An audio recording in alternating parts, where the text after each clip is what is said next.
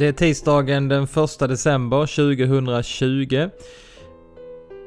Och vi fortsätter vår vandring upp mot julen. Vi läser eh, bibeltexter och vi ber tillsammans eh, kring temat Guds ankomst. Idag så börjar vi läsa ifrån Saltaren 72, vers 1. Där står det så här.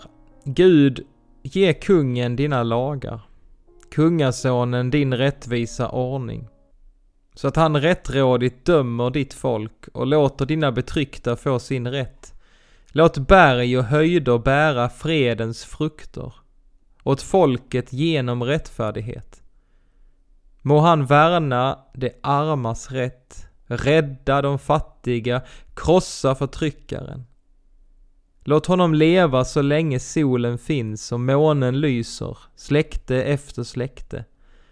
Han ska komma som regn över grödan, ett stilla regn som vattnar jorden. Låt rättvisa grönska i alla hans dagar och fred och välgång råda tills ingen måne lyser. Och i Matteus evangeliet, det 24 kapitlet och den 36 versen så läser jag Dagen och timmen känner ingen, inte ens himmelens änglar, inte ens sonen, ingen utom fadern. Ty som det var i Noas dagar så blir det vid Människosonens ankomst.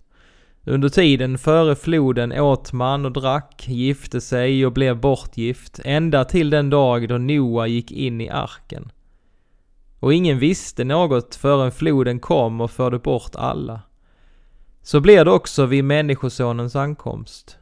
Då är två män ute på åkern, den ene tas med och den andra lämnas kvar. Två kvinnor är vid kvarnen och mal, den ene tas med och den andra lämnas kvar. Håll er därför vakna, ty ni vet inte vilken dag er Herre kommer. Låt oss be tillsammans. Herre vår Gud, du som har befriat oss från mörkrets makt och tagit emot oss i din älskade Sons rike. Lär oss att leva i den här världen utan att vara av världen. Medan vi väntar på den dag då din son Jesus Kristus kommer åter i härlighet. Han som är dig Fader och den helige Ande lever och råder från evighet till evighet. Idag så vill vi be för din församling i Sverige, din församling, din kyrka på varje ort i vårt land. Herre, vi ber att du kommer med kraft över din kyrka så att vi kan få vara dina vittnen i den här tiden. Herre, vi ber om enhet i din kyrka. Herre, låt oss vara vakna. Låt oss få vara beredda den dag du kommer åter. Låt oss be den bön som Jesus lärde oss att be. Vår Fader, du som är i himmelen. Låt ditt namn bli helgat. Låt ditt rike komma. Låt din vilja ske på jorden så som i himmelen.